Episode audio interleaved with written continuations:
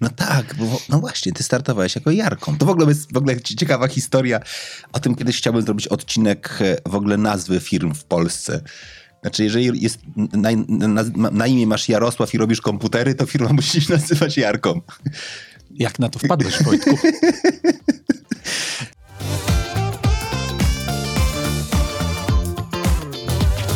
Jest naprawdę mega, mega trudny biznes. I teraz moje pytanie, które się pojawia, czy wszedłbyś w niego drugi raz? Hmm. Będąc informatykiem, spójrz też na to, ile zarabiali informatycy w ostatnim, w ostatnim, w ostatnim czasie. O, chyba tak. Znaczy, raczej tak, na pewno tak. O, tak, może.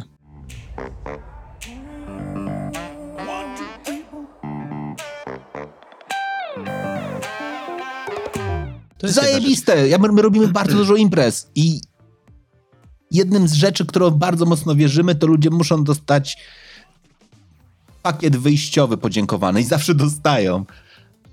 Więc to na, ja nawet nie na, mogę, na butelkę od wina na, na, e, nawet nakleisz od razu. Jeśli, jeśli nawet jako gift przynosisz butelkę wina, ale masz naklejone, od razu z drukarki wychodzi, że możesz nakleić. Ty jest partnerką, to dla was.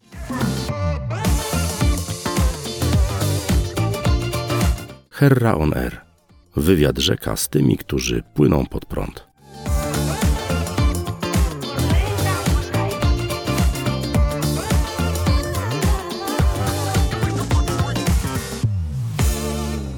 To co najważniejsze, to podcast, w którym staramy się pokazywać tych, co robią to dobrze. Na początek z szerszej perspektywy. Bardzo często podkreślam, że paradoksalnie największym konkurentem dealera Mercedesa nie jest dealer BMW czy dealer Audi, ale inny dealer Mercedesa. Coś, o czym my bardzo często zapominamy, ale prowadzenie biznesu opartego o dystrybucję, w którym, mówiąc brutalnie, nie masz najczęściej swojej marki, a twoi konkurenci mają te same produkty, które masz ty, jest jednym z najtrudniejszych modeli biznesowych, bo cała przewaga jest oparta tylko i wyłącznie na doświadczeniu klienta związanym z punktem sprzedaży. Nie sprzedasz komuś lepszego w tym przypadku aparatu niż sprzeda inna firma konkurencyjna. Sprzedasz dokładnie ten sam aparat, ale możesz go sprzedać lepiej. I o tym, w jaki sposób budować lepsze doświadczenia klientów, sprzedawać lepiej i zarządzać lepiej procesem relacji z klientem w dzisiejszym odcinku. Jarosław Banacki, cyfrowe.pl. Dzień dobry. Dzień dobry. Jak ty trafiłeś w ogóle do audio-wideo? Bo ty nie zaczynałeś od tego. Czy mogę od razu powiedzieć tytułem wstępu? Znamy się z Jarkiem, bo chodziliśmy razem do liceum. Tak, koniec, kropka. Tak, taki disclaimer. więc, więc trochę wiemy o tobie. Ty nie zaczynałeś, zacząłeś od komputerów, nie? Tak, od komputerów jeszcze e, w zasadzie to w liceum, no głównie to studia. No i w pewnym momencie, to był tam 2002 rok, no było tak słabiej. Nie, nie używam słowa kryzys, bo kryzysy mieliśmy dopiero później na świecie. No, było mniej jakby klientów, mniej przychodów i tak sobie mówię, Boże, za te pieniądze to ja może w końcu będę tym informatykiem, skoro te studia kończę. Ale miałem już aparat cyfrowy wtedy.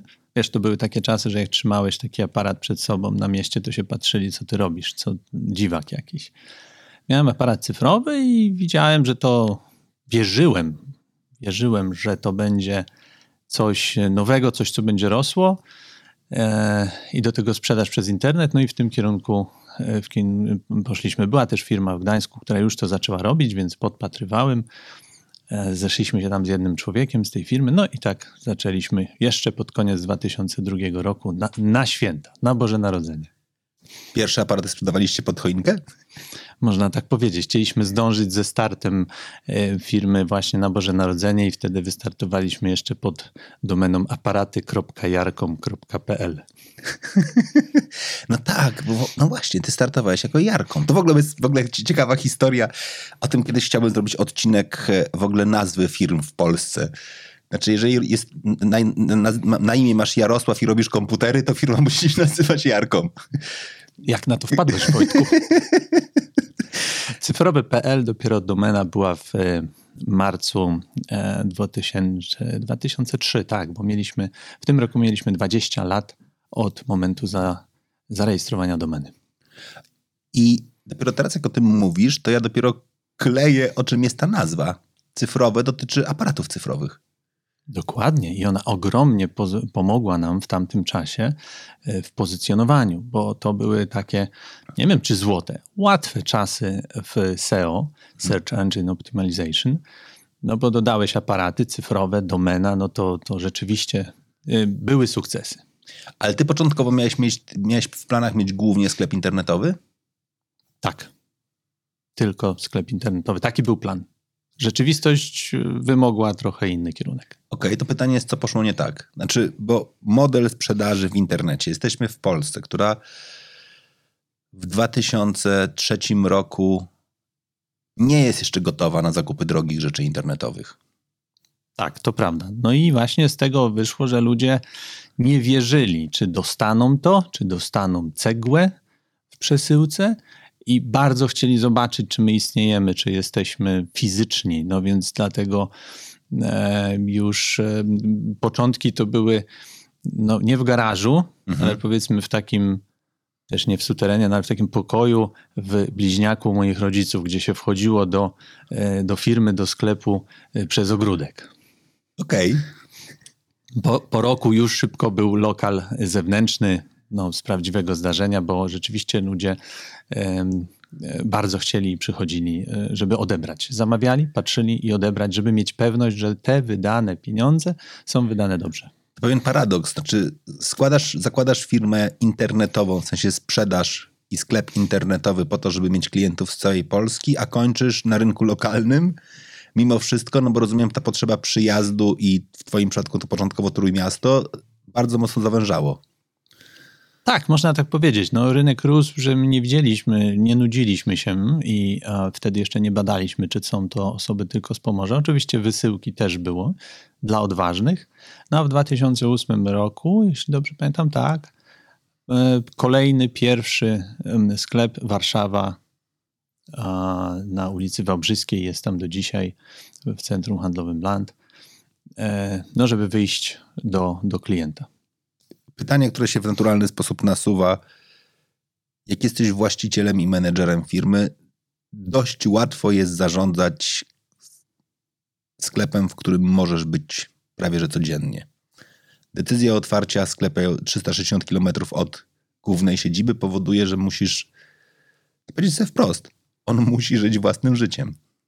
No tak, nie możesz pojechać rano go otworzyć i wieczorem go zamknąć, to prawda. No to jest duża przemiana.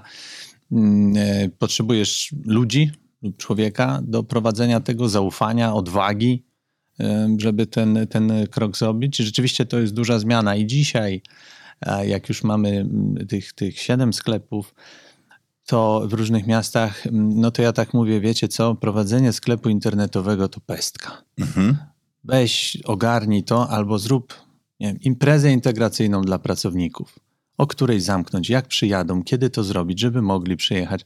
Takie trywialne rzeczy. Daję prosty przykład. Oczywiście operacyjne przykłady normalnej pracy też są wyzwaniem. W którym momencie odważyłeś się na tyle zaufać? Znaczy, bo to jest, wiesz, to jest bardzo prosta rzecz. Masz sklep daleko. No co, postawisz kamerę i będziesz siedział i patrzył po prostu w Big Brothera, czy oni na, na pewno tam coś robią? Tak, moment. On musiał kiedyś być, ale nie pamiętam, żebym bardzo z tym cierpiał. Może dobrych ludzi spotkałem na drodze i później jak po nitce do kłębka, czyli jeden, ok, wyszło fajnie, jest ta energia, wspólnie pracujemy, e, budujemy ten biznes i no, nie, nie myślisz, że wszyscy cię od razu oszukają, tylko idziemy do przodu. Znaczy, bardzo łatwo się to mówi z poziomu, jak jesteś zewnętrznym menedżerem i otwierasz kolejne sklepy będąc również pracownikiem kontraktowym, moim zdaniem zupełnie inaczej się na to patrzy, jak jesteś absolutnie właścicielem i masz pewien pomysł i chciałbyś, żeby ten pomysł również na poziomie jakościowym był realizowany wszędzie. Tak, no to jest kopiowanie podejścia, atmosfery, procedur na kolejne sklepy, na kolejne osoby. Wychodzi raz lepiej, raz gorzej, raz wymaga więcej czasu, raz mniej, ale tak, zgodzę się z Tobą, że to jak McDonald's zjesz zawsze tą samą kanapkę, to jest mistrzostwo świata. No tylko on jest oparty w dużej mierze o franczyzie, w którym dokładnie na miejscu bardzo często jest jednak, że ktoś, kto dalej jest właścicielem i dalej jest gotowy dawać z siebie więcej dokładnie z tej, z tej perspektywy. Dzisiaj macie ile punktów? Siedem. To jest wystarczająco? Nie, widzimy potencjał na więcej. Ale i teraz pytam totalnie jakby, czy jesteśmy gotowi na to, żeby otwierać się w, z sprzętem tego typu, nie tanim, w mniejszych miejscowościach, czy myślisz o tym, żeby w większych miejscowościach mieć więcej punktów? Nie, to raczej większe, większe miejscowości. Jednak musi być pewna masa osiągnięta, a rynek jest w miarę dojrzały, jeśli chodzi o zakupy mhm. internetowe. To nie jest już dziki zachód, więc e, cały czas jest to pytanie, czy warto, czy warto. No, liczby mówią, że tak są, są, że musisz naprawdę się postarać, żeby to e, miało sens, bo jednak jesteśmy w stanie dostarczyć na miejscu e, tego doświadczenia innego, które um, przez internet niekoniecznie możesz doświadczyć. Trzeba wziąć pod uwagę, że sprzedajemy bardzo drogie rzeczy mhm. w tej chwili, bo to jeszcze wiele lat temu to było tańsze, dostępne dla każdego. No i teraz bardzo wiele osób jednak chce tego potwierdzenia, że wybrało przez internet dobrze. I co jeszcze powinno dokupić do tego aparatu, obiektywu, żeby wszystko było ok, bo to jednak dużo pieniędzy i, i chce osiągnąć konkretny efekt. Ale masz więcej modelu obejrzyj offline, zamów online, czyli ludzie przychodzą po to, żeby dokonać wyboru do sklepu i zamawiają w online, czy odwrotnie? Ludzie oglądają u ciebie online'owo, a później przychodzą podjąć tą finalną decyzję do sklepu? Troszeczkę więcej jest tego, że patrzą online i finalizują e, na miejscu. To jest nie, nie, nieznacznie, ale jednak tak. Zresztą ścieżki klienta obecnie są tak pokręcone, że śledzenie ich to jest mistrzostwo świata marketingowe, to przyznaję, bo no jak standardowe pytanie, które jeszcze nie zadałeś, ale jesteś blisko. E, ile procent sprzedajecie przez internet, a ile w sklepach stacjonarnych? No i to się zaczyna dyskusja, jak to policzyć, co ty to uznasz, że jeżeli zamówił i przyszedł przez internet i odebrać i jeszcze pogadać, coś dobrać w sklepie, to jak to policzysz? I tak dalej, i tak dalej.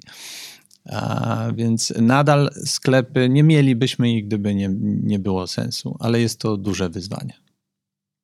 To jest ciekawe, jak to policzyć, bo bardzo dużo firm, które znam, moich klientów, wywala się na tym na poziomie premii. To jest najprostszy moment, w którym się można wywalić. Znaczy pytanie dokładnie, czy za aparat, który zamówiłem w internecie i powiedziałem odbiorę w punkcie, prowizję powinien dostawać gość odpowiedzialny za sklep internetowy, czy, czy sklep e, lokalny. Mało tego, co w sytuacji, w której zamówiłem, nie wiem, Canona R6 w sklepie internetowym i po spotkaniu z gościem kupiłem R5 na miejscu, bo mnie przekonał, bo mi doradził i tak dalej. Tak? Czyli jeszcze zrobił mi upsell i w ogóle generalnie zrobił dobrą robotę. I teraz kto za to odpowiada i komu, i komu przyznać, że tak powiem, punkty za sprzedaż? No dokładnie. Ja wiem, że się zajmujesz sprzedażą, jesteś w tym niezły i systemy premiowe. Tak, to są wyzwania. To cały czas się kotłujemy. Znaczy my raczej nie idziemy w tym kierunku, żeby tu się przepychać, e, kto tutaj bardziej. Raczej wiemy, na co mają wpływ w sklepach. W sklepach mają wpływ na zadowolenie klienta, na to mhm. jego doświadczenie, na dosprzedaż czegoś jeszcze. Więc na to, co mają wpływ, chcemy to bardziej nagradzać, ale no, jesteśmy jednym teamem. E, wielokrotnie pokazywaliśmy, że e, na przykład bez tej logistyki, tak, magazynu, którego nie widać, to jest przecież bez tego nie byłoby nic. Żaden sklep nie dostałby zatowarowania, żaden, żaden klient. I dlatego staramy się cały ten proces handlowy jakby nagrodzić jakoś, no subiektywnie, procentowo, bo chcemy pracować jako cały team w imię współpracy. A gdzie masz zgrzyty? Wszędzie. Okej. Okay. Dobra. To ja bym chciał tutaj opowiedzieć pewną historię, która dla mnie będzie absolutnie bazą i to jest moja osobista historia, która trochę mnie zainspirowała do tej rozmowy. Ja mam tę przyjemność, że pracuję dla motoryzacji od 2007 roku. Zaczynałem w działach samochodów używanych, w sensie budowałem procesy samochodów używanych. I w samochodach używanych jest, znaczy w ogóle w motoryzacji jest bardzo prosta definicja. Początek sprzedaży nowego samochodu to jest rozpoczęcie sprzedaży starego samochodu. Znaczy w momencie, w którym podejmuję decyzję, sprzedam stare auto, wtedy rozpoczyna się cała ścieżka sprzedaży.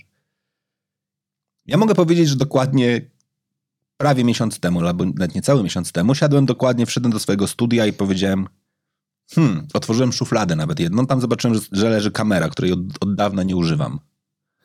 Pomyślałem sobie, może bym sprzedał sprzęt. To jest najgorsze myślenie, które sobie możesz po powiedzieć. To jest sprzedać sprzęt oznacza, zaraz za tym stoi pomysł, jak sprzedasz, to kupisz nowy. Ja byłem przekonany, i teraz mówię zupełnie poważnie, że w Polsce się nie da tego wykonać.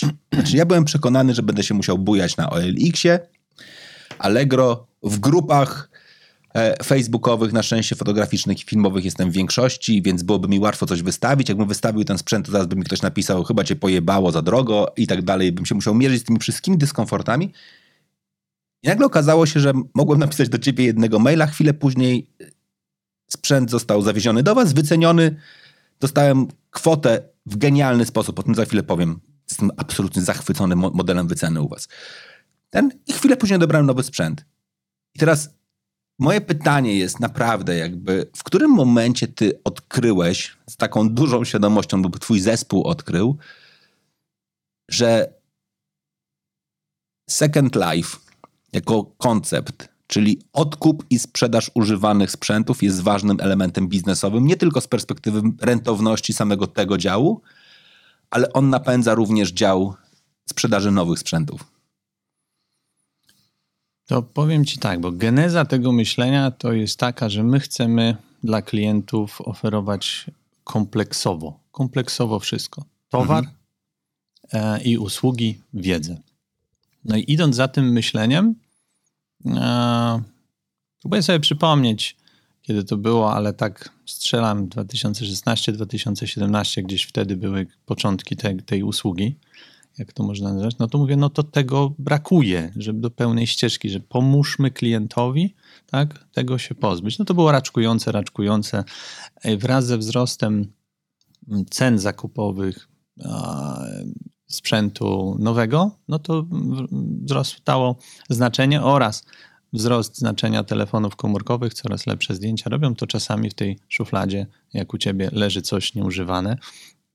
A dzięki temu, jak my to odkupimy, jeszcze ktoś może się z tego cieszyć, bo to mhm. nadal jest sprzęt. Więc wyszło z tego, że chcemy kompleksowo obsługiwać e, klienta i świadomość tego rosła przez kilka lat, bo jest jedna specyfika polskiego rynku, no nie jesteśmy najbogatsi, jesteśmy mhm. coraz bogatsi, więc my widzimy takie zachowanie, że część klientów, którzy mają powiedzmy więcej czasu albo samozaparcia, mówi, a 200 zł na Allegro więcej chodzą, to ja, to ja się pomęczę. No mhm. i okej, okay, no fair, no, to jest ich wybór. Oni transferują swój czas, te odpowiadanie na te komentarze, które wspomniałeś, no emocje, właśnie, ja będę mówił zawsze emocje. emocje. Najważniejsza rzecz, która jest, znaczy to, to no znowu, no, ja jednakże zajmuję się tym zawodowo, jeśli chodzi o samochody.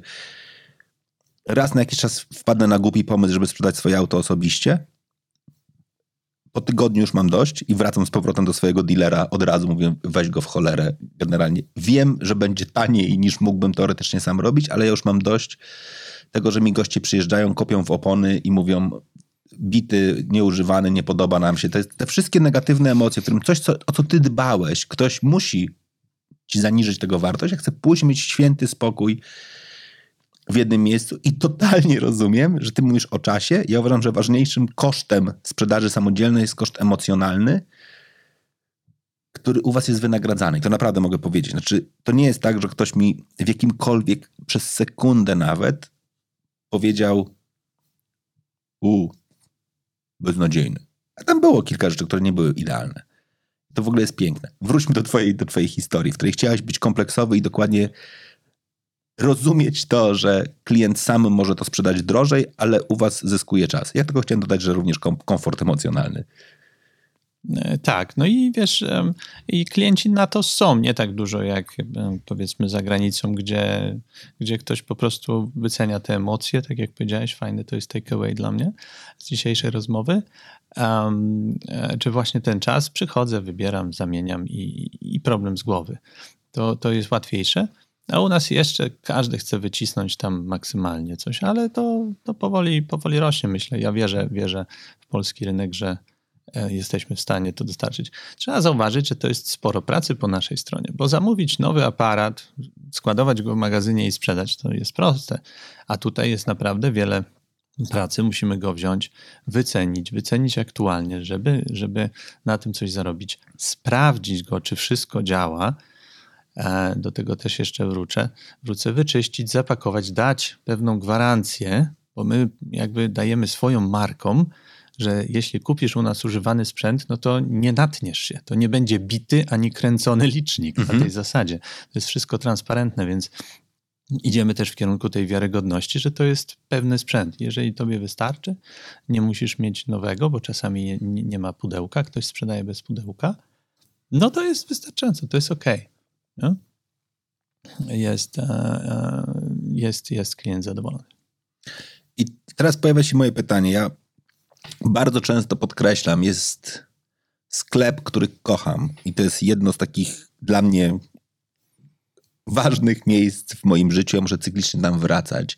To jest B&H w Nowym Jorku sklep prowadzony przez Żydów, co jest w ogóle bardzo ważne, bo tam jest taka bardzo ładna kultura i oni, jest największy sklep audio-wideo, moim zdaniem. I oni mają osobny departament sprzętu używanego. Znaczy mają po prostu gigantyczny store, w którym jest tylko i wyłącznie sprzęt używany. Jak patrzę na swoje doświadczenia, na przykład z rynkiem motoryzacyjnym, to ja znowu pamiętam, jak przychodziłem do importerów i mówiłem, hej, musicie budować działy samochodów używanych. Oni się pchali w głowę i mówili, Wojtek, daj spokój. My jesteśmy importerem samochodów, nas interesują nowe z używanymi to niech się handlarze męczą. Dzisiaj jak patrzę na swoich tych samych klientów po 17 latach współpracy, wielu z nich ma bardzo profesjonalne salony samochodów używanych. Już nie samochody stojące na żwirku, tylko często auta przygotowane do sprzedaży stojące w salonach ciepłych, które niczym się nie, nie, nie, nie różnią od e, nowych z, jedną tylko rzeczą są pre-owned, bo to pewnie się ładniej nazywa, czyli miały wcześniejszego właściciela, żeby podkreślić, że to one nie są używane, tylko po prostu są jak nowe, ale po prostu miały już jednego właściciela więcej lub kilku. Kiedy u ciebie pierwszy sklep ze sprzętem używanym? O, ciekawy koncept. Um, myślę, że raczej to będzie shop in shop, czyli w naszych e, sklepach być może coraz więcej tych metrów bieżących czy kwadratowych będzie e, dla, e, dla sprzętu używanego, gdzie przechodząc, patrząc na nowy, możesz zobaczyć, ile podobne sprzęty możesz e, kupić używane. Z tymi second hand używane, czy pre-owned, ciekawe. Nie wiem, czy do aparatów się z, da to zaaplikować. Wiesz, to jest też tak, jak już o emocjach mówiliśmy, sam nawet obserwowałem u nas, o, chyba kupię ten obiektyw i złapałem się w pułapkę, że ja się na niego patrzyłem i go nie kupiłem. I pewnego dnia podjąłem decyzję, żeby go kupić, ale już go nie było. Mhm. Nie? Bo masz ograniczone jakby e, dostępność tego, bo akurat ktoś oddał to, ale ktoś inny go kupił. I ja mówię, o kurczę, no ale się zgapiłeś. Mhm. Więc e, ta wystawa u nas w salonach stacjonarnych myślę, że też może być ciekawą inspiracją dla, dla innych osób. No to w ogóle jest jakby jedna z najważniejszych charakterystyk sprzętów pre-owned, czy też używanych, że co powiedziałeś dokładnie, oferta jest bardzo ograniczona w czasie i ilości. W takim rozumieniu to nie jest zakup nowego sprzętu spółki, tak? Po prostu możesz sobie domówić u dystrybutora, u producenta kolejną sztukę i mieć. Tutaj faktycznie po prostu może być tak, że masz jeden taki obiektyw, bo akurat ktoś go zostawił w rozliczeniu lub odsprzedał, no i za chwilę może go kompletnie nie być, co jest też zupełnie innym trochę modelem biznesowym, tak? Tutaj znacznie więcej bazujesz na tym, żeby dobrze zarządzać stokiem, a dokładnie kasą za, zaangażowaną w ten stok. Musisz mieć świadomość tego, kiedy podjąć decyzję o tym, że sorry, jest przeterminowany, mamy go na stoku więcej niż, nie wiem, 6 miesięcy, czas go przecenić. Sorry, niestety popełniliśmy błąd, za dużo zapłaciliśmy komuś przy odbiorze z tysiącu powodów. Myśleliśmy, że nam się lepiej sprzeda, nie udało się, był błąd, trzeba go naprawić, trzeba ponieść ten koszt po to, żeby odzyskać kasę, zainwestować go w coś innego, tysiąc różnych innych rzeczy. Kto za to odpowiada u was? W sensie, ile osób odpowiada za to? Bo tam są dwa elementy. Po pierwsze, podjąć decyzję o tym, czy chcemy go kupić, czy nie chcemy. Po drugie, za ile chcemy go kupić. Po trzecie, jak podjąć decyzję, że go będziemy umieli sprzedać i finalnie, czy to jest w ogóle spójne z nami. Tak? Bo to czasami też jest taka sytuacja, w której ktoś przychodzi na przykład z marką, którą kompletnie jest w ogóle nie kojarzona z, wa z wami. No. Mhm. E, no to się troszeczkę zmienia, bo to jest też blisko zorganizowane razem z wypożyczalnią, którą też mamy, no ale możesz powiedzieć, że w tej chwili 4-5 osób jest e, zaangażowane w to. W, w, całą obsługę. No to, to, to jest. I właśnie tak jak mówiłeś, to, e, to tak, przyznaję, że gdyby nie chęć dostarczenia klientom tej kompleksowego, kompleksowej obsługi, czy kompleksowego doświadczenia, jak już e, takimi słowami operujemy, to wiesz co, ja bym może sobie zrobił, żeby życie było prostsze, to nie róbmy tego, mhm. bo naprawdę byłoby prościej. Ale dla dobra klientów, no czujemy, że to, to tak, niektórzy tego potrzebują i ten wysiłek podejmujemy. Okej, okay. a po co jest wypożyczalnia? Wypożyczalnia y, też mniej więcej w tym samym okresie powstała. No to była moja myśl taka, żeby zachęcić osoby, do zakupu później nowego. Czyli jeżeli mhm. e, jedziesz nawet na wakacje na dwa tygodnie, to kupujesz sobie, wypożyczasz, nie wiem, jakiś GoPro z całą walizeczką akcesorii różnych e, i kręcisz sobie tam jakieś na zjeżdżalniach czy w basenie. E, no i wracasz i mówisz, kurczę, fajne jest, to, to, to ja poproszę. To jest jedno i taka była oryginalna myśl, że dać możliwość w weekend przetestować i ktoś dotknie i, i, i może, mm, że tak powiem, kupi nowy. I dlatego też mamy taką ofertę, że jeżeli wypożyczysz, a później w e, tam 10 dni bodajże kupisz nowy, no to my odliczamy tobie tą, tą usługę. Nie? Wow, czyli to jest naprawdę jakby try and buy, takie, tak. takie pełne. Tak. Wow. No ale korzystane jest y, mm, y, dosyć szeroko przez osoby, które okazjonalnie wykonują ślub lub mają inną pracę jako fotograf niż zazwyczaj, a potrzebują dodatkowego body obiektywu, bo nie wiem, kolega, koleżanka będzie też pomagać w tym ślubie z, z drugiej strony ujęcia robić, no więc wtedy rzeczywiście jest taniej u nas wypożyczyć na takie okazjonalną rzecz, mm, okazję niż, niż, niż zakupować to. Okej. Okay profesjonalny amator. Kategoria, która jest najdroższą kategorią klienta w ogóle na świecie. Ja ją mogę powiedzieć, bo ją znam bardzo dobrze ze sportu. Mikołaj Pytel, król rowerów, może potwierdzić, że 100% najdroższych rowerów, nie wiem, triatlonowych kupili amatorzy, a nie zawodnicy. Kropka. Znaczy, ten świat tak jest skonstruowany. Jeżeli jesteś prezesem dużej firmy i wpadłeś na durny pomysł, żeby się ścigać w jakimś sporcie, to stać cię po prostu na to, żeby kupić sobie sprzęt z najwyższej półki, na takim, na jakim jeździ czołówka światowa zawodników, a niestety bardzo często ten nasz lokalny zawodnik musi jechać na znacznie gorszym sprzęcie niż ty, co później się kończy zawsze tą, tą samą kategorią, tym samym określeniem więcej sprzętu niż talentu. Mam takie przekonanie, że w twoim biznesie może być podobnie. Znaczy, że bardzo często może się okazywać, że ci ludzie, którzy są hobbystami zdjęć mogą sobie pozwolić na czasami znacznie lepsze sprzęty niż ci, którzy są po prostu zawodowymi reporterami, fotoreporterami, fotografami. No, jest coś w tym, ale tu chyba za daleko. Jeżeli jest rzeczywiście profesjonalista, który jeździ, czy to olimpiada e, sportowa, czy jakieś wydarzenia, to jednak oni mają dużo sprzętów. E, fakt, że oni są zanurzeni w tym tak bardzo, to my widzimy, że czasami jest a to kolega przywiezie rozpakowany z walizki, walizce z Hongkongu będzie tani. Nie? Mhm. A ten profesjonalny amator, no on nie, nie, kombinuje i nie sprawdza całego świata i nie, nie czeka tyle i tak dalej, więc rzeczywiście może sobie na to pozwolić. Tak, obserwujemy, jest ich sporo.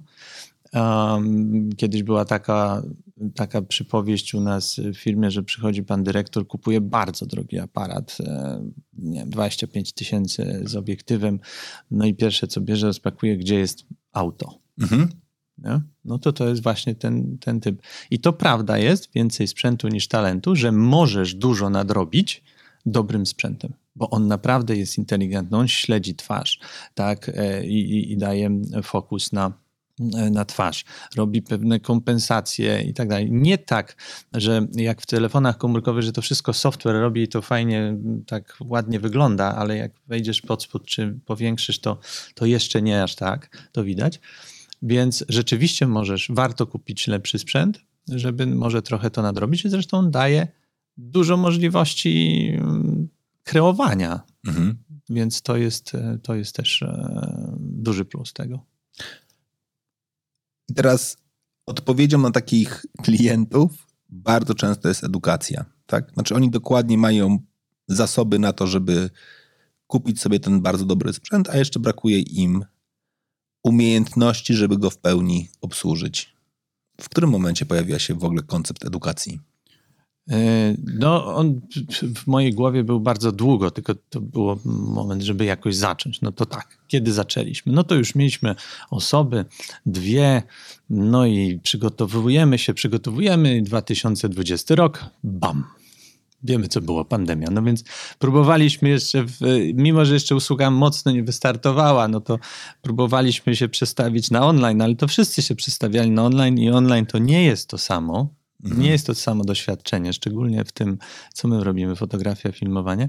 No więc to generalnie upadło i teraz jakby wracamy do tego e, z tradycyjnymi stacjonarnymi szkoleniami, które naprawdę są jednak inne. Masz tą atencję, tą uwagę, masz to experience takie ze sprzętem, z tym drugim profesjonalistą, tym prowadzącym, który on ci w przerwie kawowej coś szepnie i tak dalej, a na online no to wyłączasz, wracamy za 10 minut, muzyczka leci, nie wiem, coś takiego. Wszyscy wiemy, że to jest inaczej. Ja mm, bardzo się cieszę, że skierowałem się na takie tory, fotografia, filmowanie, bo nie jest to, nie jest to sprzedaż lodówek, gdzie na lodówkach zna się każdy i do lodówki ciężko coś dokupić. No, nie mówię o coli do środka. E, a u nas rzeczywiście jest to ten element tworzenia, ten element satysfakcji, że zrobisz tą lepszą fotografię, lepszy film i, i dlatego dokupisz coś innego. Później spróbujesz jeszcze raz. I ta sfera hobby, tego spędzania wolnego czasu, to daje nam naprawdę duże pole do, y, do jeszcze zrobienia więcej dla klientów. Wszystko przed nami. Jak silne macie community dookoła salonu? W sensie jakby społeczność ludzi, którzy identyfikują się z wami? Nie tak silne, jakbym chciał. Jest to coś, co ponad 10 lat temu wiedziałem, że trzeba zrobić, ale nigdy nie było jakby mocy do tego. Mamy, e, opiekujemy się e, trzema forami takimi tradycyjnymi, internetowymi, fotograficznymi. Mamy taki serwis tukapik.com, taki projekt 365 zdjęć, że codziennie robisz przez rok zdjęcie i tak dalej. Więc to są takie zaczątki community, no tylko no oczywiście są grupy facebookowe, gdzie jesteśmy aktywni i tak dalej. Tylko to jest dużo pracy, a przełożenie tak wprost na biznes, jakbyś chciał liczby sobie powiedzieć, to, no to nie ma. To jest długoterminowa praca. E, ale tak, to jest waż, ważne i chcielibyśmy, nie jest wystarczające. Mamy sporo osób, które lubią markę i szanują naszą markę za to, co robimy, jak robimy, e, ale żebym nazwał to community, to, to chyba wiem, że można zrobić lepiej. Teraz jak zaczęliście o tym mówić, zacząłem się zastanawiać. Zbyszek Kowalski, pozdrawiam cię bardzo serdecznie, mój kolega, konsultant, mówi, że jednym z większych wyzwań w Polsce jest to, że my, by to ładnie powiedzieć po polsku, przedefiniujemy, znaczy przedefiniowujemy, w sensie za bardzo dajemy jakby za dużą wagę znaczeniu słowa konkurencyjność. To wynika z tego, że jesteśmy w wielu miejscach nie, niedojrzałym rynkiem. On akurat odpowiada za rynek na przykład medyczny i mówi, że jednym z największych problemów jest to, że le lekarze, którzy pracują na wolnym rynku i prowadzą prywatne gabinety, za bardzo postrzegają swoich kolegów jako konkurencję, w związku z czym na przykład nie wymieniają się doświadczeniami, najlepszymi praktykami tak mocno, jak to powinno wyglądać na dojrzałych rynkach. Zaczynam się zastanawiać, na ile wyzwaniem dokładnie w budowaniu społeczności jest to, że filmowcy i fotografowie w ten sam sposób mogą postrzegać siebie nawzajem. Znaczy ten rynek jest rosnący, jest trudny, moim zdaniem jest źle wyceniany, ale też zupełnie już moja kwestia, że po prostu wiele osób ma problem z tym, jak go dobrze wycenić. A tym samym pomysł na to, żeby spotykać się w życzliwych, życzliwej atmosferze z innymi ludźmi, którzy również są fotografami, czyli teoretycznie mają konkurencję, mimo tego, że w rzeczywistości żadną, bo rynek klientów jest tak gigantycznie duży, że jeszcze cały czas jest dużo do zrobienia, żeby wybudować e, ten wspólny tort. No właśnie, czy ty, twoim zdaniem to już jest możliwe, żeby to zrobić, czy nie? Czy dałoby się na przykład zebrać w jednym miejscu 200 fotografów w Polsce, żeby oni się na koniec imprezy, spotkania, czegokolwiek nie rzucili sobie do oczu? No, ja myślę, że nasz e, taki festiwal fotograficzny Światło Siła, który organizowaliśmy, organizujemy drugi raz we, wrześniu e, tego roku, e, no to pokazuje, że mnóstwo tych prelegentów, których mieliśmy, no profesjonalnych fotografów, no nie było ich 200, ale kilkudziesięciu, no to do oczu sobie nie skakali. Więc czy to jest kwestia, że oni są na pewnym poziomie już, że mają swoją siłę, markę i już poznali to, nie robią tego od wczoraj mhm. i nie postrzegają, tak jak ty powiedziałeś, że to jest konkurent i on mi zabierze chleb, e, tylko no ja wiem, robię swoje, robię to dobrze i będzie dla mnie chleb. Więc ja się zgadzam z tobą, bo patrząc do biznesu mhm. naszego, który sprzedaży, e, to jest troszeczkę tak jak z... Znaczy ja, ja, mówię, ja mówię po prostu tak, robimy the best we can dajemy z siebie wszystko, robimy co możemy i to w długim terminie się nam odwdzięczy, opłaci. To jest mniej więcej tak, jak masz Allegro, masz komentarze kupujących mhm. i się strasznie denerwujesz albo po prostu rozpacz, jak masz jeden negatyw. Nie? Mhm. Oczywiście, warto na niego odpowiedzieć, ale nie, nie, nie wiadomo nie robić czego mm, ten, może wnioski jakieś, może jakiś proces jest nie taki, to, to patrzymy na to powiedzmy, jeśli coś takiego się wydarzy, ale Bardziej chodzi o to, że zrób 100 pozytywnych, żeby przykryły ten jeden. Na tym się skup. Idź w tym kierunku. Więc tutaj tak samo do konkurencji bym to yy, odniósł. Na pewno ona gdzieś jest. Na pewno ktoś dał niższą cenę na ten ślub i tak dalej. I jest ci yy, smutno jako fotografowi, bo chodziłeś przy tym kliencie, czy coś tam zrobiłeś, czy potrzebujesz tego zlecenia. No ale dobrze, to spędź ten czas na doskonaleniu swojego warsztatu, czy też marketingu fotografa, mhm. żeby następnym razem dostać dwie czy trzy, dwa czy trzy zlecenia i będzie ok. Nie jestem aktywnym fotografem, e, e, tym bardziej profesjonalnym, więc tutaj moje, moi koledzy i koleżanki byłyby pewnie lepszą, lepszym rozmówcą w tym temacie, ale, ale no, jesteśmy w tym biznesie, więc raczej to jest w tym kierunku. Taka jest moje, moja perspektywa. Co dalej? Jak ja patrzę sobie znowu, ja umiem tylko odnieść Twój biznes do tego, czego znam, czyli do rynku samochodowego. W modelu biznes, w, w biznesie motoryzacyjnym mówi się, że dealer stoi na, jest tak zwana reguła pięciu palców, czyli całej dłoni. To jest pięć centrów zysku, czyli Pierwszy palec samochody używane, drugi samochody nowe, trzeci serwis, czwarty części i akcesoria, piąty finanse i ubezpieczenia. Ja mam przekonanie, że macie wszystko. Znaczy, mogę u was kupić używany, sprzedać używany, mogę kupić nowy, mogę oddać do serwisu, mogę kupić części i akcesoria, które są potężną częścią tego biznesu, no i na końcu finansowanie i ubezpieczenie, wszystko mogę sfinansować i tak dalej. Tak, dokładnie. Szczególnie to finansowanie jest istotne, bo coraz droższy sprzęt e, sprzedajemy, no to raty czy też leasing dla, dla przedsiębiorców, więc to oferujemy i coraz lepsze procedury przez internet, czyli bez e, odchodzenia od komputera. Rzeczywiście można to wszystko załatwić i czy dostaniesz przesyłce, czy przyjdziesz do nas do sklepu odebrać, done. E, I to jest dobre dla klientów, dobre też dla nas, bo obniżamy tą barierę jakby wejścia, można w 20 czy 30 latach coś kupić.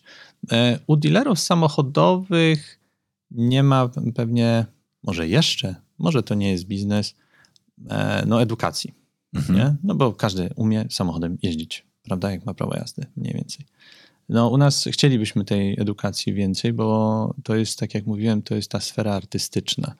Cały czas możesz doskonalić swój warsztat, czy jesteś amatorem, czy profesjonalistą, no nie jest to zbyt e, zyskowny biznes, bo jeżeli ty jesteś dobrym fotografem, to za te twoje warsztaty całodzienne ty skasujesz przyzwoite wynagrodzenie. Jeżeli my bierzemy tego fotografa, bierzemy salę i robimy marketing, żeby ktoś przyszedł na to i tak dalej, to tam niewiele dla nas dostaje, żeby była sensowna cena dla klientów. Nie? Ale mimo wszystko, a mimo że to jest znowu jakiś wysiłek dla naszego biznesu, dla organizacji, żeby to zrobić dobrze, klient był zadowolony, no to, to chcemy to podejmować E, żeby zamykać cały czas tą kompleksowość e, dla klienta. Tak jak mówisz, pełne, e, pełne doświadczenie. Tele, fotografia cyfrowa w rozumieniu smartfonowa. Ona jest dla Was szansą czy zagrożeniem? Znaczy, czy generalnie, i za chwilę, zaraz za tym, co powiedziałeś, trochę zapierdzielająca sztuczna inteligencja, która będzie jeszcze bardziej ograniczała pewnie gotowość klientów na to, żeby dalej zamawiać zdjęcia, skoro można je wygenerować cyfrowo, sztucznie. Tak, ciekawy, ciekawą rzecz. Um, wszystkim wiadomą, ale ciekawą z mojej perspektywy poruszasz, bo to jest tak, że od dobrych 10 lat, ja nie mówię, że nie spałem dobrze, tak, ale to było pewne jakieś E, wyzwanie, ok, przecież widzę, co się dzieje. Widzę, co się dzieje ze smartfonami, są coraz lepsze. I co z naszym biznesem? I co z naszym biznesem? No i się okazuje, że myśmy wzrośli tam trzy czy cztery razy. Smartfony też wzrosły. No to gdzie jest klucz?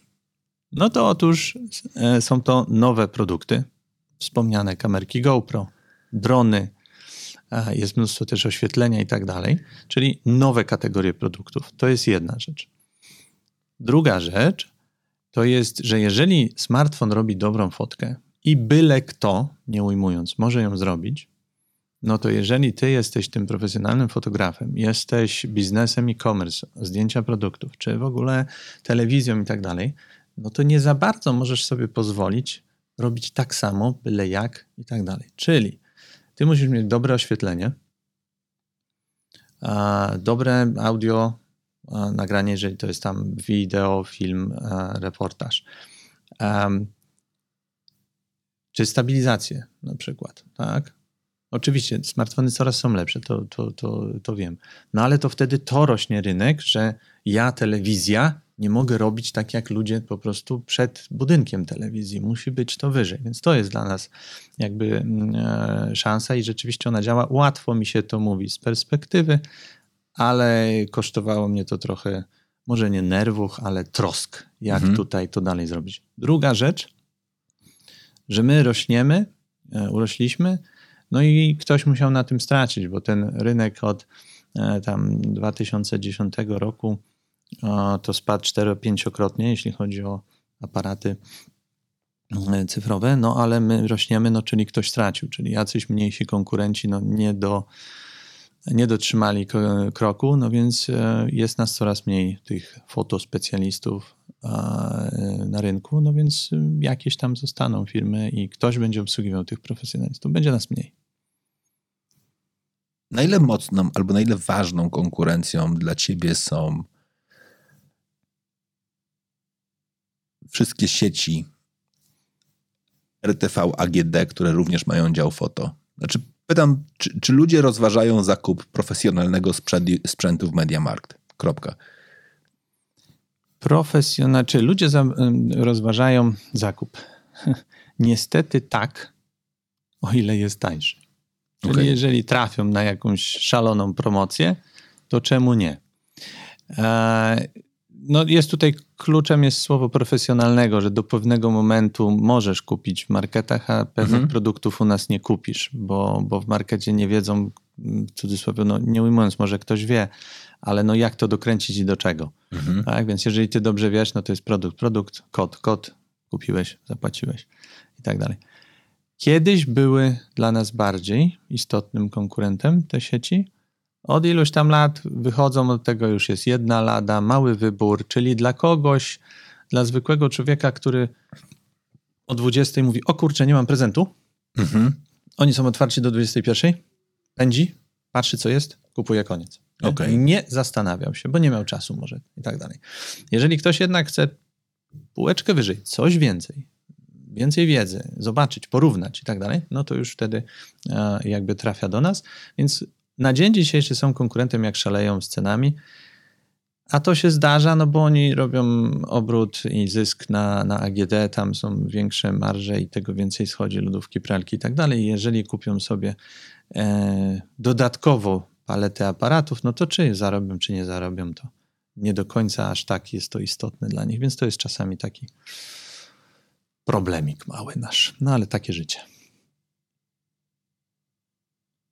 Właśnie się zacząłem zastanawiać. Teraz powiedziałeś o bardzo ważnej rzeczy, a mianowicie prezent świąteczny. I trochę mi zaświtał projekt, który bardzo, bardzo. ja- Ja 12 lat temu pracowałem, 12 lat, nie 12 lat temu, przez 12 lat pracowałem dla takiej marki jak Harley Davidson, będąc członkiem rady programowej organizacji Harley Davidson University, czyli pisząc im programy rozwojowe i prowadząc szkolenia dla dealerów.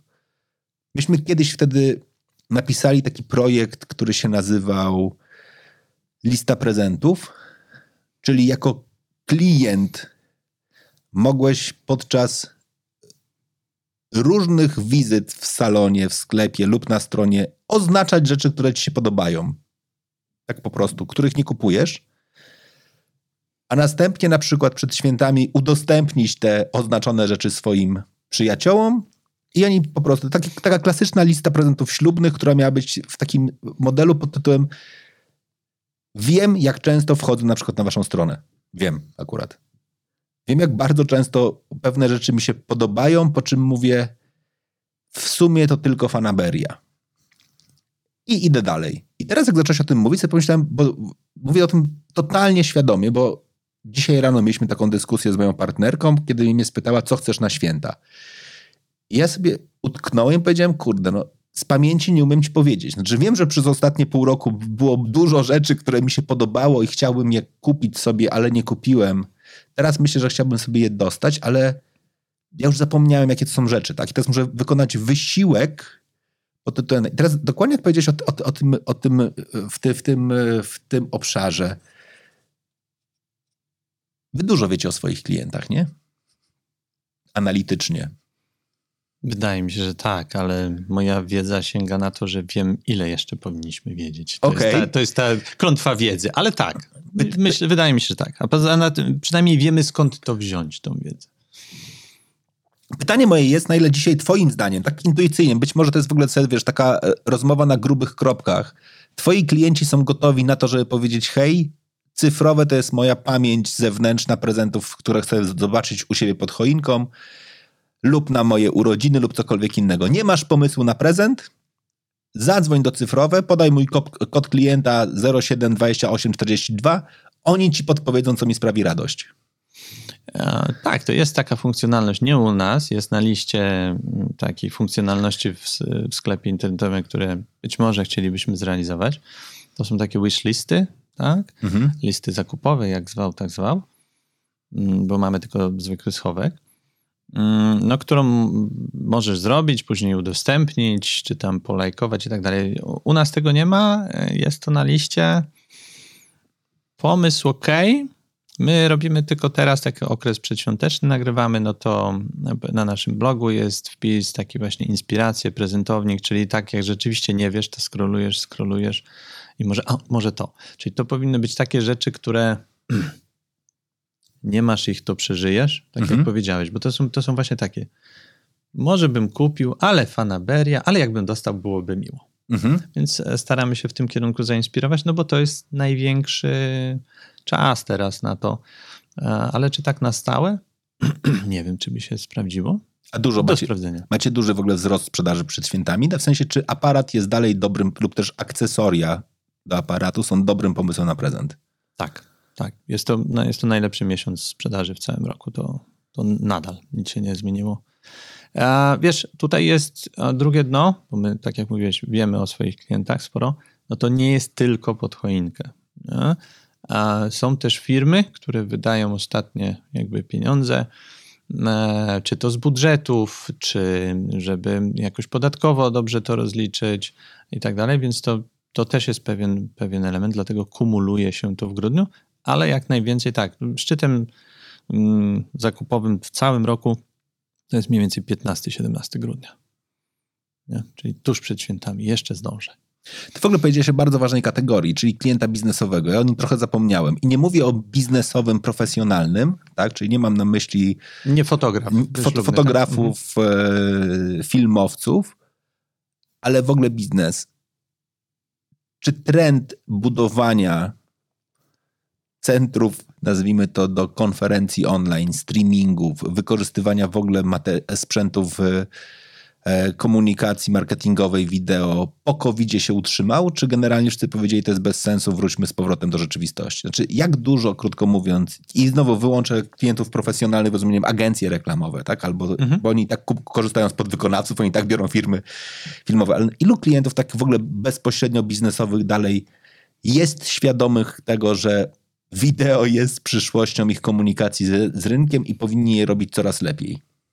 Okej, tu są dwie rzeczy według mnie, które ja bym rozdzielił. Raz, że wideo, to co powiedziałeś ostatnio, czy wideo jest przyszłością komunikacji biznesowej? Ja krótko odpowiem tak. Mhm. I to nie jest nowość, nie jestem jakimś y, tutaj wizjonerem. Tak, jak najbardziej to będzie rosło. A druga rzecz, to co poruszyłeś, to budowanie tych studio streamingowych i tak dalej. To było trochę jak z iPadem w przeszłości. Ogromna linia wznosząca, idziemy, gdzie wszyscy kupują po, po czajnik, a później jest stabilnie mniej więcej ten sam poziom. Nie, nie ma hypu teraz jakby na iPady, ale on nie, nie spada to. Czyli nadal się to robi, ale my już tego nie widzimy jako taki trend, jak był podczas pandemii, który uratował nam e, trochę e, jednak nasze, nasze obroty. Więc on jest, a, ale rzeczywiście nie jest, nie jest tak popularny. Wróciły te spotkania a, stacjonarne, ale nawet kamery te PTZ, e, które też sprzedajemy, e, no to one coraz więcej się sprzedaje, bo znowu ktoś chce pokazać na przykład na konferencji na Auli, że ma tą możliwość. Zrób u mnie konferencję, bo jeśli chcesz, to w pakiecie jest też streaming i takie i takie sterowanie i mamy trzy kamery i tak dalej, więc to jest trochę przewaga konkurencyjna. Jeżeli masz jakąś salę i nie masz, czy ma pan tu Ethernet? A co to jest Ethernet? Tak? No to jest y, słabiej wypadasz konkurencyjnie. To jest y, tylko to. Wielkiego hypu na tą chwilę aż takiego nie widzę, ale to nie wygasło. To nadal będzie. Jak dużą częścią też waszych klientów są twórcy cyfrowi? W ogóle, w sensie youtuberzy. To jest jakby kategoria, którą wy macie osobno e, oznaczoną, czy ona jest ukryta pośród pozostałych klientów, nazwijmy to współindywidualnych?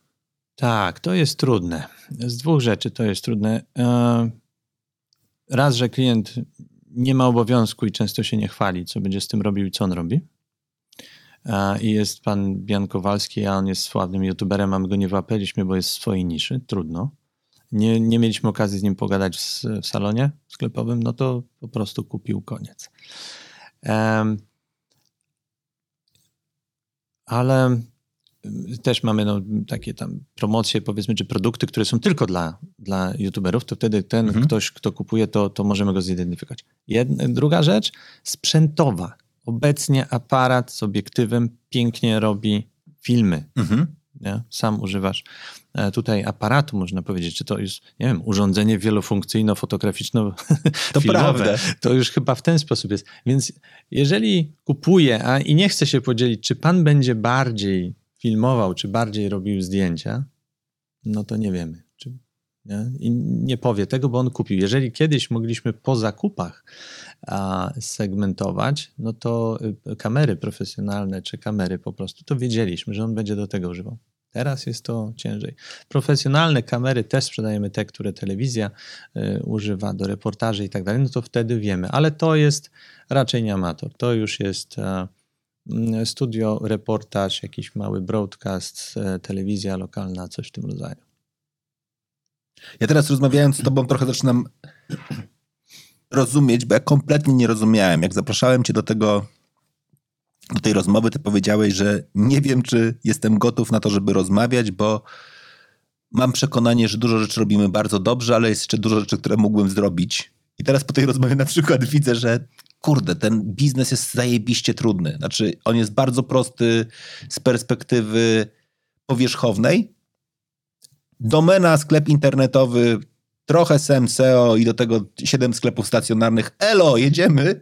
A, jeszcze niższa cena, żeby ktoś przyszedł do nas. No. Niższa no? cena, żeby przyszedł do nas, ale im dłużej o nim rozmawiam, na przykład na poziomie segmentacji klientów i jak sobie rozmawiamy, to mi się uaktywniają takie konsultingowe okienka, które mówią, ej, ty czekaj, przecież masz zupełnie osobny segment, który wymaga kompletnie innej komunikacji, zupełnie innego budowania lojalności w tym segmencie. On ma wyższy wskaźnik lojalności i tak dalej, i tak dalej. To jest naprawdę mega, mega trudny biznes. I teraz moje pytanie, które się pojawia, czy wszedłbyś w niego drugi raz? Hmm. Będąc informatykiem, spójrz też na to, ile zarabiali informatycy w ostatnim, w ostatnim, w ostatnim czasie. O, chyba tak. Znaczy, raczej tak, na pewno tak. O, tak, może. Wiesz co, bo to jest. Jestem w tym miejscu, w którym jestem, tak? Byłem, widziałem, przeżyłem.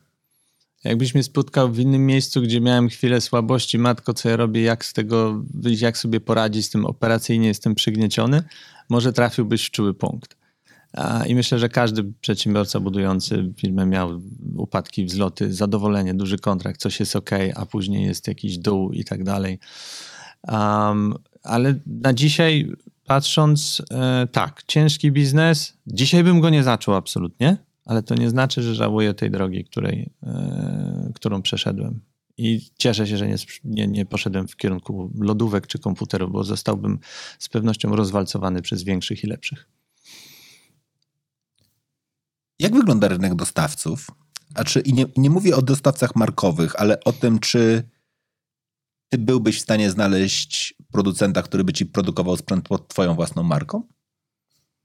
Tak. Zresztą to robimy. No, nie robimy aparatów cyfrowych. To już te czasy to były dawno temu, tam 15 czy 20 lat temu. Tak.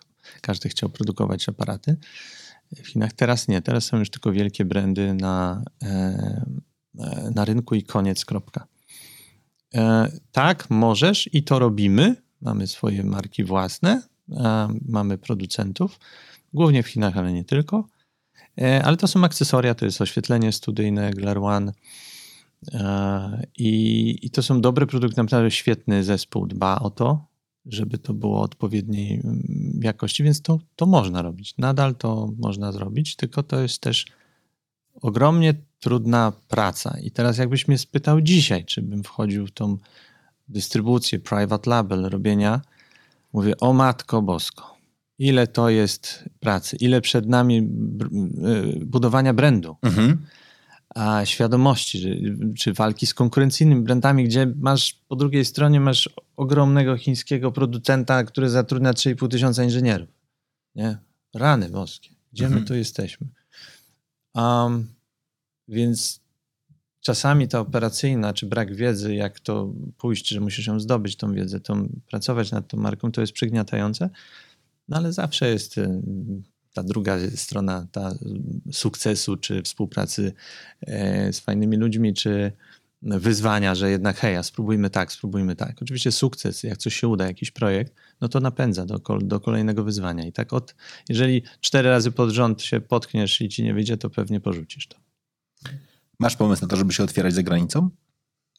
Mm, nie. Było, było coś takiego, nawet mieliśmy domeny i tak dalej, ale to było na tyle trudne, właśnie tego, co powiedziałeś na samym początku naszego spotkania. To jest ten sam produkt. Mhm. On na Filipinach prawdopodobnie ma ten sam symbol. W Stanach ma inny, ale mhm. wszędzie indziej ma ten i w Czechach tym bardziej ma ten sam symbol i tam już ktoś ten obsikał ten e, rynek i tak dalej. E, można by, robić efekt skali, ten, ale jest ciężko. Trzymam kciuki za polskie marki e, fashion, gdzie mają jakiś produkt trochę inny i tak dalej, super. Wtedy bym wchodził, oczywiście. My nie, nie planujemy tego, tym bardziej, że e, jesteśmy częścią teraz takiej międzynarodowej grupy, gdzie obecność za granicą jest też takich fotospecjalistów, więc my tego nie musimy. Jest to kamień z serca. Mhm. Okej. Okay. Ja bym chciał jeszcze spytać o koncept brand store'u. Tak? W twoim przypadku jest to Canon Store. Tak. Jeśli dobrze pamiętam, to chyba tak, piąty rok. A taki koncept e, brand store, czyli dla, dla tych może kto nie, nie wie, no to jest monobrandowy, tak? Mhm. A Apple to mocno rozpromował, to i Samsung, i Xiaomi ma i, i inni. A Canon Story, mm, e, czyli sklep tylko z marką Canon, z produktami marki Canon, one były na świecie. W, Hongkongu, w Australii duże, kilka takich. No i taki koncept e, gdzieś tam w rozmowach, w mojej głowie, w rozmowach z przedstawicielem Canona, gdzieś tam zaświecił, że coś takiego, hej, spróbujmy zrobić. E, oni troszeczkę pomogli. Ja podjąłem to ryzyko i to 9 miesięcy remontowaliśmy lokal na, na ulicy Sokołowskiej w Warszawie. E, no i przy takiej marce jak Canon, a, która ma też range produktów dosyć, mhm. dosyć szeroki, to nie jest tylko aparat, obiektyw, koniec. Tam i są i, i, i, drukarki, swego czasu były projektory, lornetki bardzo dobre ze stabilizacją. To, to funkcjonuje. E, to funkcjonuje. Ryzykowne, to prawda, zależy jaki masz brand, ale funkcjonuje. No na pewno nie, że dwa na Polskę, to, to, to o jeden za dużo. On ma bardziej funkcję showroomu, czy bardziej funkcję sklepu sprzedażowego faktycznie? Projektowaliśmy go e, na to, żeby był to jednak e, showroom i w pewnym sensie tą funkcję cały czas pełni. Choćby to jest chyba jedyne miejsce wśród takich fotospecjalistów czy takich sklepów, gdzie mamy miejsce, gdzie tam jest, możesz wejść, jest pomieszczenie zaciemnione, gdzie możesz e, nastawiać natężenie światła i wypróbować, powiedzmy, porównać, nie wiem, iPhone'a, fotkę, czy tam z aparatu. To kilka lat temu to rzeczywiście było może nie game changerem, ale to jest tak, ok, iPhone zrobi panu w sześciu sytuacjach na 10 dobrą fotkę, no ten aparat w dziewięciu na 10 let's, uh, let's check it mhm. i zobaczyć. Więc, um, więc to mamy też miejsce, że możesz wziąć aparat i po prostu tam są takie ludziki Lego i tak dalej, bliżej, dalej, głębiej rozostrości poeksperymentować, coś takiego. E, no i też staramy się, żeby właśnie e, z drukarek fotograficznych wydrukować, bo to w Polsce jest dużo, dużo niżej niż e, na zachodzie. Drukowanie fotografii w domu czy samodzielne. Mieliśmy bardzo dużą kulturę używania labów fotograficznych, czyli idziemy do fotografa, żeby wywołał. A na świecie jest dużo większy odsetek osób, które drukują fotografie. To jest rzecz jeszcze do, do zagospodarowania. Stary, właśnie zmieniłeś mi, rozwiązałeś mi pole. Znaczy, naprawdę, jakby, jeżeli. Dobra, na szczęście nie widzicie moich oczu, e, bo właśnie ochujałem. E, znaczy, w takim sensie, właśnie roz, rozwiązałeś mi problem prezentu świątecznego. Mamy z partnerką takie bardzo silne zobowiązanie. Chcemy mieć w domu dużo zdjęć. Ono jest totalnie nierealizowane. Znaczy, te zdjęcia, które wiszą, to są wszystkie zdjęcia, które dostaliśmy od kogoś wydrukowane. Po prostu. To, co powiedziałeś, tak, to prawda. Jak kiedyś robiłem zdjęcia, boże, teraz będzie widać, jak jestem stary, na kliszy, to jeszcze chodziłem je regularnie wydrukować. To było absolutnie normalne. Do dziś znajduję dokładnie swoje albumy z wydrukowanymi, wydrukowanymi dlaczego zdjęciami. Dlaczego tego nie, to robiłeś? Bo nie widziałeś ich wcześniej. Bo nie widziałem ich no. wcześniej, dokładnie tak. I teraz sobie uświadamiam, że moment, w którym dużą część zdjęć, którą robię, albo kurde, właśnie pojechałem, byliśmy w Azerbejdżanie, robiłem piękny reportaż, naprawdę moim zdaniem mi wyszedł. Pokazałem go znajomym na, na, na telewizorze, byli zachwyceni, nawet mi nie przyszło do głowy, że mogę go wydrukować. Znaczy, przyszło mi do głowy, ale mi się nie chciało, znaczy tak mówiąc brutalnie. Znaczy, jakby jak sobie poszedłem, przeszedłem przez ten proces, żeby pójść i go wydrukować, to mi się odechciało. Właśnie powiedziałeś mi, że drukarka do zdjęć w domu. Jest duże pole do ten. Wspomniana marka Canon, to masz e, takie um, portable, przenośne, mobilne Zoomini czy selfie, małe drukareczki, które robią 9 na 13 czy tam 5 na 6 takie malutkie, trochę jak Instax, mhm. tak, że szybciutko, natychmiastowa. Czyli bierzesz na imprezie albo siedzicie, coś tam, pijecie sobie kawkę i o, fotka, masz tu. I one są jeszcze naklejkami. Super. Jaki fan, jakie przeżycie. Mega. To jest Zajebiste. Ja, my robimy bardzo dużo imprez i jednym z rzeczy, którą bardzo mocno wierzymy, to ludzie muszą dostać pakiet wyjściowy podziękowany i zawsze dostają. Więc to na, Ja nawet na, mogę, na butelkę od wina na, na, e, nawet nakleisz od razu. Je- Jeśli, jeśli nawet jako gift przynosisz butelkę wina, ale masz naklejone, od razu z drukarki wychodzi, że możesz nakleić. Ty z partnerką, to dla was, jakkolwiek. W apce y, na telefonie zrobisz raz, dwa, dodasz napis y, happy birthday, whatever. Coś takiego. Druga rzecz, no to e, drukareczki po prostu atramentowe, fotograficzne e, i które tam możesz drukować. To, co jest kluczem i to, co u nas e, moi koledzy ze sklepu ci pokażą, jak prosto to jest w dzisiejszym czasie wydrukować. Bo ten ból, który, czemu tego nie robisz? A, czy ja mam drukarkę, a czy mam papier? A jak przerzucić to? A jak się połączyć? O ranie, to jest emocje. Znowu, emocjonalny nakład na przejście tej bariery. Jeżeli ktoś ci pokaże, że to nie jest takie trudne, tu tylko sparuj Bluetooth, umiesz parować Bluetoothem, że tak powiem, urządzenia, bo słuchawki czy coś Mhm. innego, prawda? E, drukarkę, pach, klikasz i drukuje. Mało tego, ja mogę powiedzieć, że jedną z rzeczy, na które jestem naprawdę wdzięczny temu światu, to że zaakceptowaliśmy to, że jest Authentic i większość, większość umów nie muszę podpisywać, większość dokumentów firmowych potrzebuję, podpisuję cyfrowo, więc byłem przeszczęśliwy, że ilość druku spadła mi prawie do zera, więc byłem najszczęśliwszy na świecie, ale w ogóle nie wziąłem pod uwagę tego, że hej, są rzeczy, które są przykre do drukowania. Patrz, dokumenty firmowe, Tak. umowy, tych nie chcesz drukować. I są rzeczy, które są wspomnieniami, które powodują, że dom staje się żywy, że co najważniejsze, możesz zmieniać sobie dekorację domu w postaci dokładnie zdjęć regularnie, bo nie musisz mieć tych samych zdjęć sprzed 15 lat cały czas, tylko możesz je pra, prawie, że jak dobrą witrynę w sklepie sezonowo przygotowywać i mieć te najpiękniejsze wspomnienia, które chcesz mieć. To wiesz, to jest y, różnie. Przychodzą do ciebie znajomi, o, wymieniliście zdjęcia, albo y, zdjęcia są no, z ostatniej właśnie wyjazdu, tak? Jakiegoś trzy, cztery w ramce albo na, na ścianie. Ostatnio syn powiedział, tata, tu były zdjęcia na ścianie, kiedy one wrócą? Wstyd się przyznać, że to trzy lata minęło od malowania i, i, i zdjąłem ramki. No i teraz mi dał, wjechał mi na ambicje. No i generalnie to muszę, muszę to od, zrobić. Ale to naprawdę siadasz i to experience takie, nie ekran, bo ekran już znamy. Więc znowu ten świat analogowy wchodzi i to jest też doświadczenie fotografii, tak? No, filmu tak nie doświadczysz, ale to jest coś. To jest.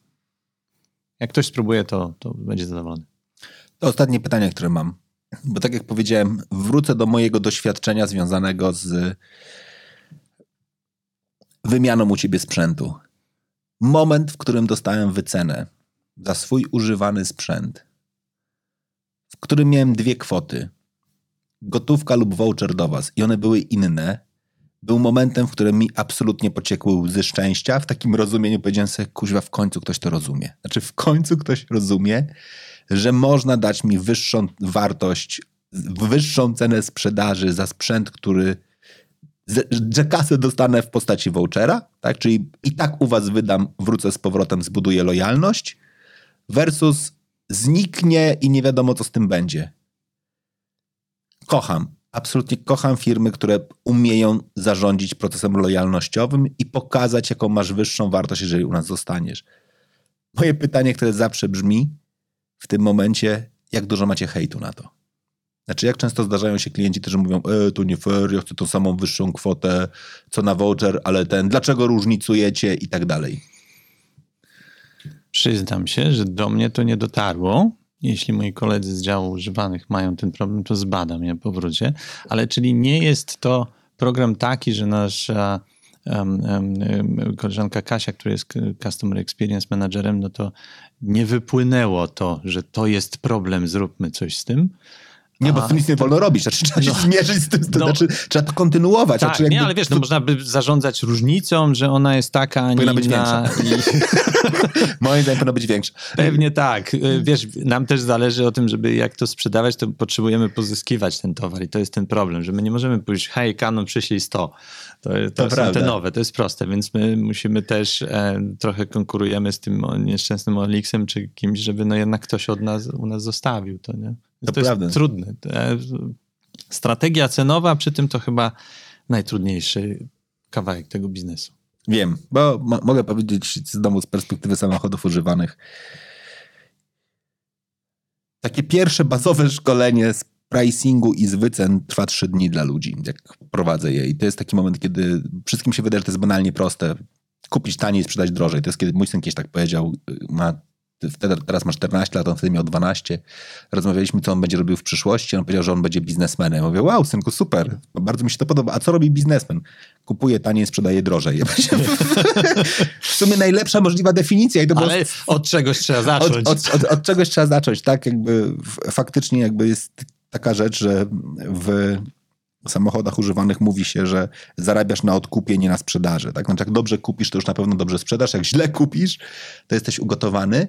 Ale z drugiej strony, to co ty powiedziałeś, bardzo ważne, nie możesz sobie pozwolić na to, żeby być zbyt radykalnym, bo po pierwsze musisz pozyskiwać ten sprzęt, a po drugie chodzi wszystko o emocje. Dalej ty chcesz mieć zadowolonego klienta, mhm. szczęśliwego, taki, który pokazuje, że to wszystko jest dobrze skonstruowane.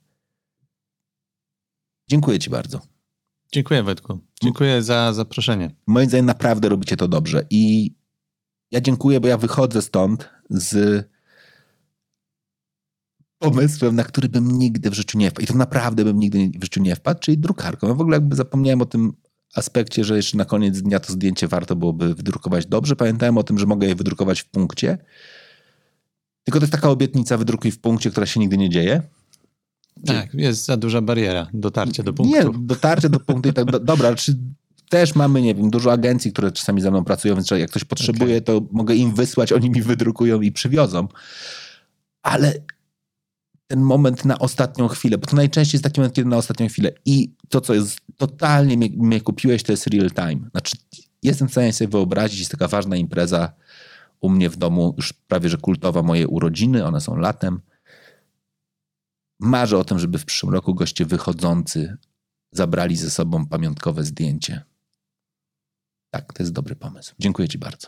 Proszę, do usług. A Wam bardzo dziękuję, że byliście tutaj razem z nami i oczywiście pamiętajcie o tym, żeby podzielić się tą informacją i tą audycją ze znajomymi. Dzięki.